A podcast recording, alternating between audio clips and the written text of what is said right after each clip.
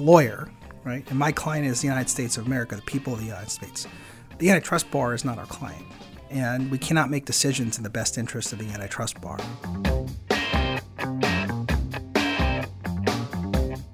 ברוכים הבאים למרקרים, פודקאסט סוף השבוע של דה מרקר. ההזדמנות שלכם לקחת פסק זמן ממחזור החדשות היומיומי ולצלול איתנו לאירועים, לאנשים ובעיקר לרעיונות מאחורי החדשות. כאן באולפן איתכם כבדי שבוע, גיא רולניק, והפתעה, ענת לא נמצאת כאן היום, מיד נשמע מי מחליף אותה. שמענו בפתיח את ג'ונתן קנטר, ראש חטיבת ההגבלים העסקיים במשרד המשפטים האמריקאי. אז ענת באילת, ואני הפעם בשיקגו. כן, שיקגו, ותכף נראה מדוע, ויש לנו אורח מיוחד באולפן היום שיגיש איתי את הפודקאסט. קוראי דה מרקר הוותיקים זוכרים אותו, כתבנו לענייני כלכלה פוליטית בינלאומית, תחקירים, והוא בעיקר מחאה חברתית בארץ ובעולם. זהו כמובן אשר שכטר.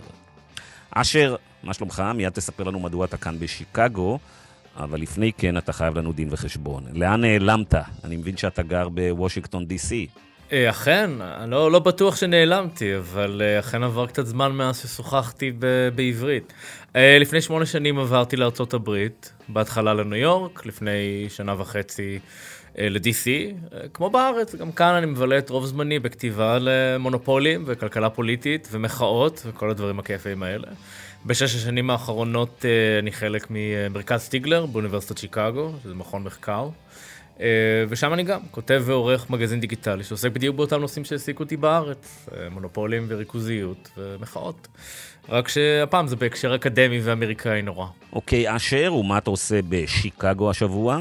אז השבוע ערכנו את כנס ההגבלים העסקיים השנתי שלנו. זאת השנה החמישית שהכנס הזה רץ, הוא... התחלנו אותו ב-2017, מתוך כוונה לעורר דיון בארצות הברית בנושא הריכוזיות והתחזקות המונופולים. שזה דיון שבאותה תקופה פשוט לא היה נוכח בשיח בארצות הברית. למעשה הכנס הזה נחשב בעיני רבים לאחד מהגורמים העיקריים שעוררו ודחפו את השיח הזה, את השיח על בעיית הריכוזיות של הכלכלה האמריקאית, על הכוח הכלכלי והפוליטי של המונופולים כאן לקדמת השיח הפוליטי והחברתי. אשר, אתה מכסה די אקטיבית אה, כעיתונאי את נושא הגבלים העסקיים, ריכוזיות ותחרות בארצות הברית כבר חמש שנים. אה, אולי תוכל לספר למאזינים מדוע זה לדעתך כל כך חשוב, והאם זה גם רלוונטי לישראל?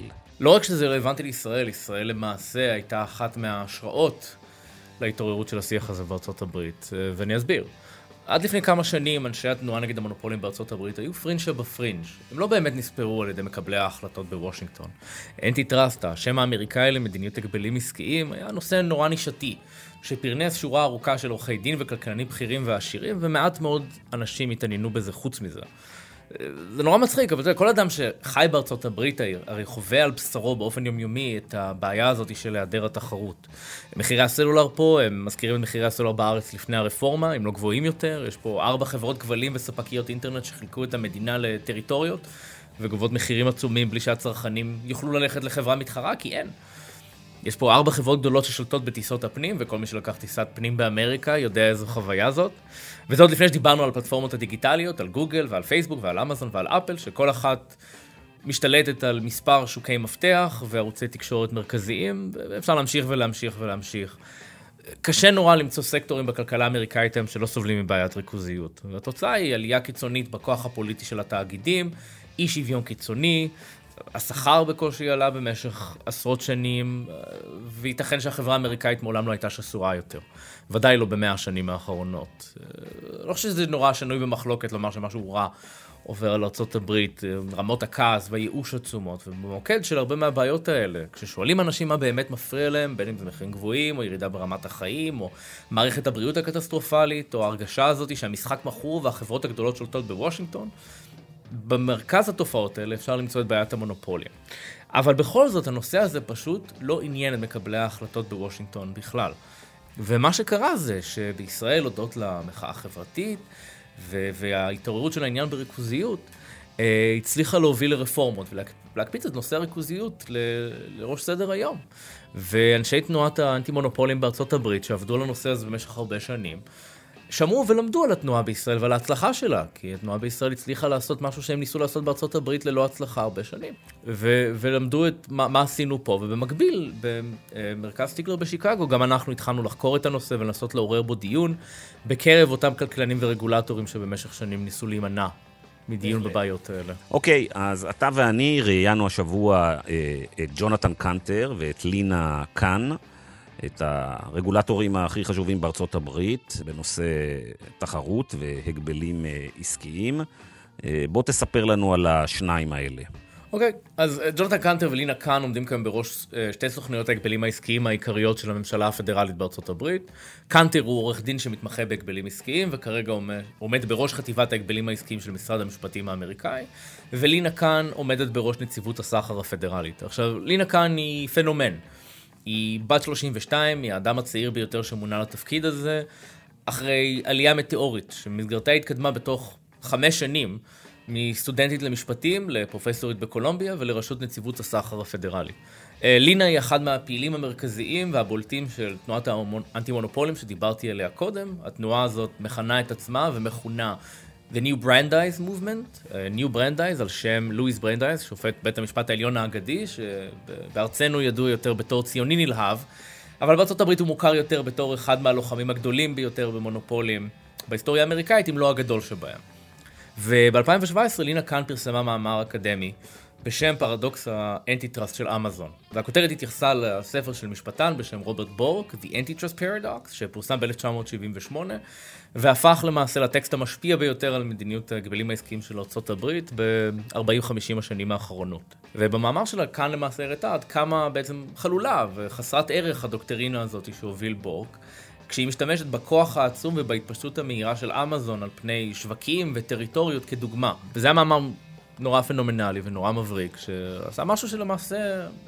אני די בטוח שאף מאמר בהיסטוריה של, ה... של ה-Yale Law Journal, כן, שזה בדרך כלל ג'ורנל אקדמי יבשושי ורגיל, לא עשה, כן, המאמר הזה הפך לוויראלי, אה, והוא רד מאות אלפי פעמים מאז. קאנטר עצמו שימש במשך הרבה מאוד שנים כעורך דין שמתמחה בתחום המונופולים והתחרות, והתבלט במיוחד בשנים האחרונות כמבקר חריף של אה, דוקטרינת ההגבלים העסקיים ששלטה בארצות הברית. אה, מה שחשוב ונוגע גם לכאן וגם לקאנטר הוא ששניהם במונחי הגבלים עסקיים מסמלים שינוי מוחלט בדגישים ובתחומי העניין מקודמיהם בתפקיד. אה, ושניהם נכנסו לתפקיד מתוך כוונה להוביל רפורמות משמעותיות ולחזק את אכיפת החוק הקיים. אוקיי, מיד מתחילים אחרי פרסומת אחת.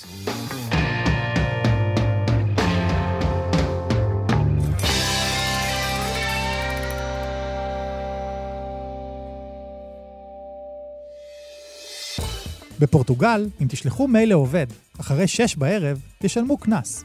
ובלא מעט ארגונים בעולם, יש Chief Happiness Officer. למה זה קורה עכשיו? ואיפה נמצאת ישראל על הסקאלה? בפרק חדש בסדרת הפודקאסטים החדשנים, בשיתוף אוניברסיטת אריאל, דיברנו עם פרופסור טל שביט ועם היועץ הארגוני אורן אפל על כלכלת עושר. עושר באלף. למעסיקים, לשכירים ובעצם לכולנו, כדאי מאוד להקשיב לזה. אז חפשו אותנו, החדשנים, בכל אפליקציות הפודקאסטים.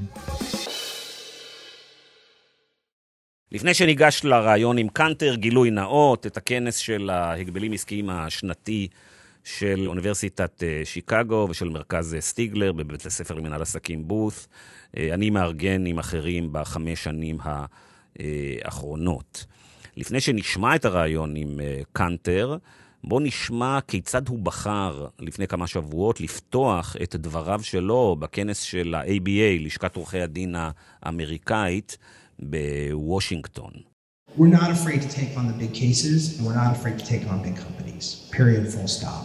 Second is we're not afraid to litigate. We have more cases in litigation than in recent memory at the Department of Justice. On the civil side, we have six ongoing civil litigations against Google, American Airlines, Penguin Random House, US Sugar, United Health, uh, and Versatech. Uh, that's just on the civil side. Um, we are have over 20 cases in active litigation on the criminal side. And let me just say, on all fronts, we are just getting started. עכשיו בואו נשמע את הראיון עם קנטר. Assistant Attorney General Jonathan Cantor, thank you very much for joining us today for this uh, podcast. In your opening remarks today, you started out by saying that we are on the cusp of a new era in antitrust. What is this era we are now leaving behind us, and when did it start? so I think um, you know roughly the new era coincides with the 1980s uh, when I think there was an, an effort to infuse new ideas, to shift the law into a new direction. באופן גס, מה שקנטר אומר פה בעצם זה שהעידן הזה שאנחנו עוזבים מאחורינו, התחיל בשנות ה-80, כשהייתה תנועה אינטלקטואלית שעשתה מאמצים בעצם לקחת את אה, חוקי ההגבלים העסקיים בארצות הברית ולעשות שיפט, לעשות מעבר לכיוון אחר. והכיוון הזה היה נורא ידידותי לעסקים גדולים ולמיזוגים ולרכישות ולריכוזיות. A.G. Cantor, you've been practicing antitrust and competition law for close to 30 years. Do you feel that growing concentration and weak antitrust enforcements are responsible for a large part of our economic and social problems and challenges? And can we also say that uh, this weakening of antitrust enforcement has translated to a weakening of the democratic processes and democratic institutions? I'll leave some of that to others. Um, what I will say is that I do believe that a competitive economy um, is an economy that works for more people, and that more competition yields a wide range of benefits for everyday Americans, um, including workers, including consumers, including entrepreneurs, uh, including all citizens. And so fighting for more competition is fighting for a better way of life. Um, כן, אז בעצם מה שקנטר אומר פה זה שכלכלה תחרותית היא כלכלה שעובדת עבור כולם. היא מועילה לחיים של כולם, לא רק לצרכנים. כאמור, הגישה השלטת, הפרדיגמה השלטת בשיטת ההגבלים העסקיים האמריקאית ב-40 שנים האחרונות, דאגה רק לפן אחד של החיים האנושיים, הצרכנים. קנטר אומר, אנחנו לא רק צרכנים, אנחנו גם עובדים, אנחנו גם יזמים, אנחנו גם ספקים. ולמעשה אנטי טראסט לא נוגע רק להורדת מחירי הצרכן, אלא מאבק למען חברה טובה יותר, גם למען הדמוקרטיה. אה, ובמיוחד למה שמכונה אה, באנגלית ה-marketplace of ideas, שוק הרעיונות, אה, ריבוי דעות, חילופי המידע שכל כך חיוניים לשיח הדמוקרטי. הוא מציין פה את ראש נציבות ה-FTC, ראש נציבות הסחר הפדרלי לשעבר, רוברט פיטובסקי, אחד מקודמיה של לינה כאן בתפקיד. אמ, שצפה למעשה בסוף שנות ה-70, שזאת תהיה התוצאה של השינויים שהובילה התנועה האינטלקטואלית הזאת, אנחנו נאבד, נשלם מחיר בחופש הדמוקרטי שלנו. Mr. Cantor, in your address before the American Bar Association earlier this month, you chose to make some interesting and, may I say, bold opening remarks. So, to give the, our listeners some context, you're sitting in a room full of carpet lawyers, and you start your remarks by saying, I have a message for you. Number one, we have no fear. Number two, we have no fear of specifically big companies. Number three, we are going after individuals, executives. And number four, we're going to go with criminal investigations. And I was listening to your talk and I asked myself, when was the last time I heard a regulator in the US or in the West choosing this kind of language. Some of those people were that in the room were your past colleagues just five months ago. Was this very intentional, this language? Well, my words are always intentional, and I, you know, um, I was aware of my audience at the time. But I think it's important to be transparent. It's important to be direct. You know, we have a client. I'm a lawyer right? And my client is the United States of America, the people of the United States. The antitrust bar is not our client, and we cannot make decisions in the best interest of the antitrust bar. אז קצת הסבר למאזינים הישראלים. ה-ABA למעשה התאחדות עורכי הדין האמריקאית. מדובר בארגון שמרכז בתוכו את עורכי הדין הכי חזקים והעשירים בארצות הברית, והכנס המדובר הוא הכנס השנתי הגדול שלהם. קנטר למעשה... אומנם היה לא בחדר, ואולי זה קצת עזר לישירות שלו פה, אבל בעצם אמר לאנשים שהיו הקולגות שלו עד לפני כמה חודשים, לעורכי הדין הכי חזקים ומקושרים בחברה האמריקאית, אנחנו לא מפחדים מכם, ולמעשה, אני, הלקוח שלי, הוא הציבור האמריקאי, הוא ארצות הברית, לא אתם. אתם, עורכי הדין שמגינים על החברות הגדולות, אתם לא הלקוחות שלי, אני לא הולך לקבל החלטות בגלל שזה מועיל לכם. אני מקבל החלטות שיועילו לאזרחי הברית. ולמעשה, מדובר בשינוי נורא גדול בסדר העדיפויות של ההגבלים העסקיים באמריקה, ובהחלט מדובר בשינוי דרך, וכך זה גם יתקבל בקרב הקהל. At your Stigler Center uh, conference uh, this week, at the speech there, you said, and I quote, We are, that means the antitrust division at the DOJ, we are not part of the chicken shit club. Can you please explain what does it means that uh, such a senior official in the Department of Justice says that he's not part of the chicken shit club?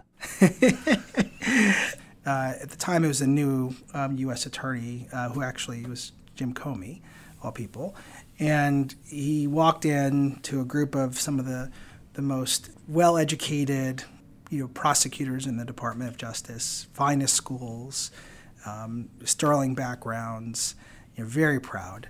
And he asked them, you know, how many of you have never lost a case? Many of them raised their hand proudly um, confident in the fact that they had never lost a case. And then, much to their surprise, he looked at them and said, You are all members of the Chicken Shit Club.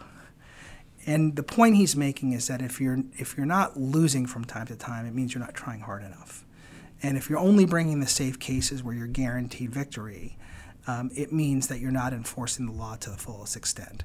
Uh, למי שלא מכיר, uh, מומלץ ביותר לקרוא את, uh, את Chicken Shit Club, את הספר של ג'סי אייזנגר. אני מניח שבעברית אפשר לתרגם את זה בתור מועדון הפחדנים, למרות שאני מרגיש שזה לא מעביר את הבוז ש, שמגולם במונח הזה באנגלית. והוא מדבר למעשה על אנקדוטה שהיא נורא חושפת המון.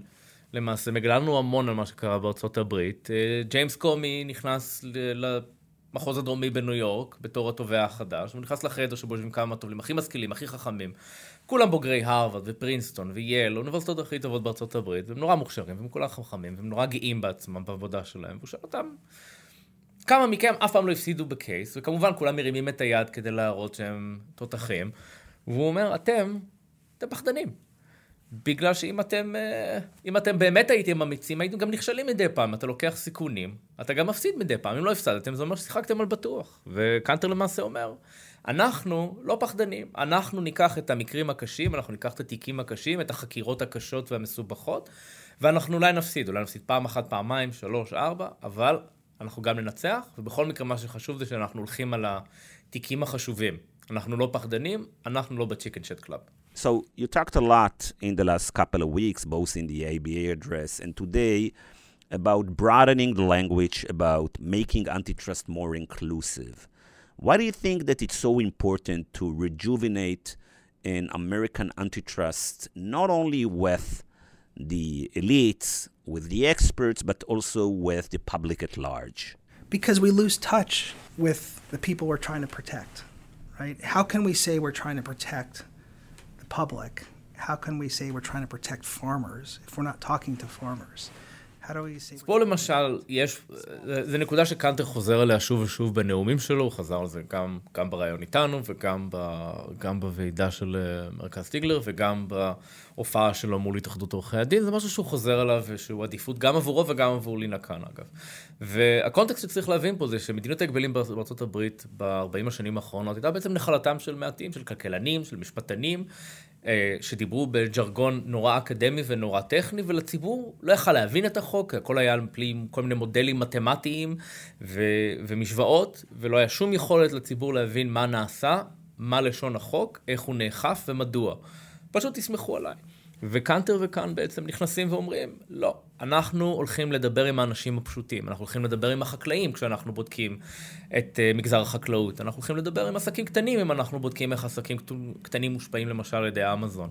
אם אנחנו מדברים על מערכת הבריאות, אנחנו מדברים עם אחיות ואנחנו מדברים עם טכנאים, אנחנו לא נדבר רק עם כלכלנים באוניברסיטת יל שמתמחים בשוק הבריאות. ואולי גם מייעצים לחברות uh, פארמה מדי פעם או לחברות ביטוח. אנחנו הולכים לדבר עם האיש הקטן, שבעצם נדרס על ידי המונופולים, שמושפע על ידי המונופולים כל יום, ואנחנו הולכים לשאול אותו, מה אתה חווה, מה הניסיון שלך? וזה שינוי אה, נורא רדיקלי. אוקיי, okay. אז למחרת השיחה עם אה, ג'ונתן אה, קנטר, אני ראיינתי כאן על הבמה במרכז סטיגלר בשיקגו את לינה קאן. מה קרה בבוקר שהיא ממש כמה שעות לפני שהיא מגיעה לכנס אה, בשיקגו. כן, אז למעשה כמה שעות לפני שראיינת אותה, אני חושב שבזמן שהיא עוד הייתה באוויר, אז היא לא ראתה את זה, לדעתי אתה נתת לה את הבשורה על הבמה, שבלומברג פרסמו מאמר שכותרתו, שוטרי ההגבלים העסקיים של ביידן מפחידים את שוק המיזוגים והרכישות עם הרטוריקה המבהילה שלהם, terrifying rhetoric.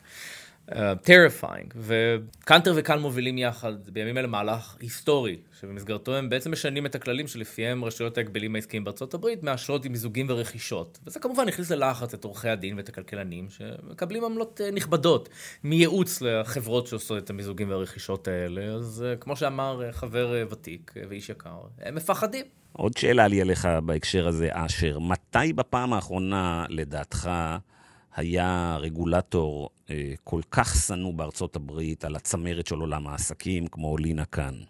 ייתכן שאף פעם, אבל לדעתי הפעם האחרונה שבה רגולטור הרגיז כל כך את התאגידים, את העולם התאגידי בארצות הברית, היה כנראה כשרוברט ג'קסון, שהיה ראש חטיבת ההגבלים העסקיים של אה, משרד המשפטים תחת פרנקלין רוזוולט, הוביל בתחילת שנות ה-40 של המאה ה-20 סדרה של תיקים חשובים ומשפיעים נגד חברות כמו אלקואה, שהמריצו ושינו את אה, אכיפת ההגבלים העסקיים בארצות הברית והתוו את הקו במשך עשרות שנים. אוקיי, בוא נשמע כמה שאלות אה, ששאלתי את אה, לינה וכמה תשובות. If uh, people would have told me in March 2017, uh, what are the chances that in uh, 2022 we'll be hosting here Lina Khan as the chairwoman of the FTC, my answer would probably the chances are near uh, zero.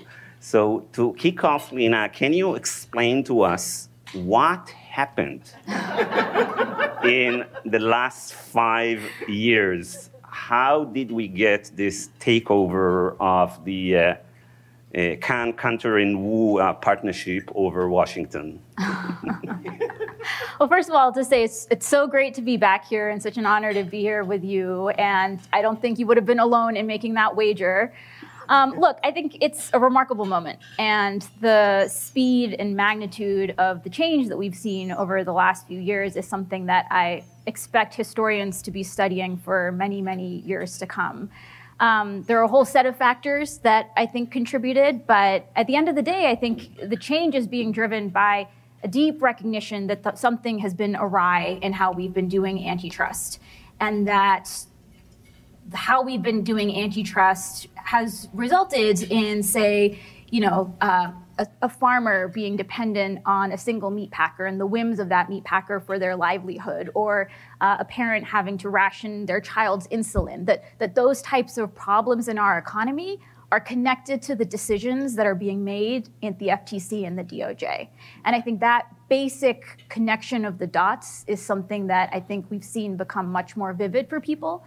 Um, I think you know I'd be remiss if I didn't acknowledge the important role of many people in this room in, in drawing those connections and showcasing the deep problems in our economy and connecting them to how we've been doing antitrust. Um, and I think this conference in particular played an incredibly important role, uh, including back in, in 2017, because I think at that point, um, the Stigler Conference did a couple of things, right? One was it said, let's ask the question and let's look at the evidence. And when we say let's look at the evidence, let's, you know, broaden our aperture and say move beyond just IO and, and look at a broader variety of methods, a, a broader variety of disciplines. Um, I think there were a set of, you know, policy changes and policy choices that were made that led to significant retrenchment um, in how we do antitrust, and that's contributed to a whole set of harms. I think you know on the ground floor you see a whole set of realities um, the, at the institution in terms of the severe mismatch between the job that Congress has given to the agency and the set of resources that it has available. Uh, by some metrics, you know the the um, staffing at the agency is, is lower now today than it was back in 1980s. Um, I think for a place like the FTC, there's also a way in which the ghost of the 70s can loom large in the building. Uh, there's a very standard account um, that's often given of, of, what happened in the 70s and what to learn from it. Um, and it goes something like, you know, here you had this agency, it acted boldly, it tried to do a lot. Um, and that triggered enormous political backlash in ways that led to efforts to defund the agency, and that that's a cautionary tale for us where we really need to be, um, you know, focused, um, under the radar, doing our job, but not rocking the boat too much. So uh, you and your friends in this uh, movement can definitely uh, uh declare a victory uh, in uh, changing public and political sentiment towards concentration and and and monopolies. But it's it's still not clear if you have the ability to apply those ideas. So how do you think about defining a victory or victories at this particular moment in time? Yeah, I think this is an incredibly important question and, and one that um, I think a lot about. I mean, I think at the end of the day, the task for the antitrust agencies is to make sure that the people know that we're here to fight for them, um, that we're here to enforce the law, and um, you know perceptions that people might have had that the agencies are not fully in their court, not fully fighting for them, not actually taking on the fights that matter. I think that's something that needs to change. So uh, beyond the fines that many people see as just, and many companies probably see as just cost of doing business. Even if, it, if it's a $5 billion fine, we see the stock of uh, uh, Facebook goes uh, up. Do you envision uh, more remedies uh, that have been in the FTC and the DOJ's arsenal but were rarely used? You, you, you said that Martin Shkreli was banned for life from, uh, uh, from pharmaceutical. Do you, can we, do you think that uh, on top of structural remedies or governance remedies, at some point you will see agencies, let's say, banning Mark Zuckerberg from uh, going on social networks or you know limiting his screen time? Yeah, I mean, look, I think the industry ban we were able to secure in the Shkreli case uh, is enormously important and, and somewhat precedent setting in the antitrust context. I think, you know, the way I think about remedies and the traditional way to think about remedies is there are at least three goals, right? The immediate goal is to stop the illegal conduct. Okay, so uh, ahead of this uh, conversation, I've been talking to some people in, uh, in, uh, in DC, and we talked a lot about power imbalances this morning here, usually between uh, uh, companies and consumers and other stakeholders, but I want to talk about the power imbalances in, uh, in, uh, in regulations. So someone in DC told me this week that the battle between regulators, okay, and this is you and big tech, and this is now what it's not only big tech, but big tech are the largest uh, uh, companies. In that battle, you are Ukraine. Okay, so you may have popular uh, support, but Russia is much more powerful. Do you feel that this is a way to describe the power imbalances between regulatory agencies and uh, big uh, uh, private sector? Look, I think there's no doubt that we have enormous, enormous political uh, support and public support, and I think there's a real sense that um, the cause that the agencies are, are, taking up is is righteous and it's important, and it's many ways, you know, critical to the functioning of the fair functioning of our economy, but also ultimately of our democracy. Um, there's no doubt that there are severe, you know, resource asymmetries between the enforcers and these powerful companies and the very well-heeled lawyers that they're able to hire. When I follow your activity in the last uh, six or nine months, I see, I see, I think I see that your views on antitrust might be also reflected in the consumer uh, uh, protection role. Uh, the agency is suspicious of this model uh, that uh, consumers have uh, uh free, uh, uh, really have free choice, even if we, it looks like as if we have competition, and perhaps you and your team see that in many industries, competition is maybe a mirage because of asymmetry of power, information, sunk costs, uh, switching costs, or sometimes even, uh, to quote one of the Nobel laureates, where uh, what we see is a competition in who is better in deceiving uh, or uh, in deceiving or addicting a, a, a, consumer. So we're not really talking about choice. It looks as if there is choice, but it's more of a, of a coercion. Yeah, that's exactly right. I mean, I think the way in which our consumer protection laws are structured, um, they basically give the FTC authority to police uh, unfair or deceptive acts or practices. Um, and what that means in practice is that the law really thinks that the you know ideal state of the world is that you have uh, well informed consumers that are acting rationally and that are making free choices in a marketplace, and really police for instances in which that ideal version of the world is not happening. One of the issues that was uh, discussed here uh, again was uh, uh, the, the, question of bigness uh, per se, and I think it was. Fiona Scott Morton, who said maybe, okay, if we think we have a problem with that, so maybe we should have uh, laws in the book that you know limit once you get to a trillion dollar a market cap, we uh, we we break you break you up. So how does how does the FTC, uh, given the current laws, we don't have new loans, view uh, bigness uh, per se? For instance, a very large conglomerate goes out to buy a large operating company. And on the face of it, there is no horizontal or vertical uh, issues here. But yet we see a trillion dollar, two trillion dollar, three trillion dollar company gobbling up more and more companies in other industries. How do you view that? I mean, I think on the first question, there's no doubt that indicators of you know concentration, consolidation, size, those can be you know oftentimes proxies for market power, and, and where market power exists is where market power can be exploited and used in unlawful ways. So I don't I think you know focusing on the areas where we see some of the most uh, significant incumbents, um, how where instances in which they've been able to maintain dominant positions over a long period of time. I think that can often be a, a fruitful area to focus. This morning, I saw an economic analysis that about this uh, this inflationary uh, uh, waves, and according to that analysis, corporate profits increased in this uh, wave uh, much more than in previous waves of uh, inflation. Is this something that you are looking into? Certainly, I think we as an agency have a responsibility um, to understand, you know, what might be the role of, of market power or anti-competitive conduct um, in the current inflationary environment that we're seeing. Um, you know, CEOs have been uh, boasting on earnings calls that the inflationary environment gives them power, um, gives them cover to be exploiting market power, to be increasing prices. Chairwoman Khan, thank you very much. Thanks.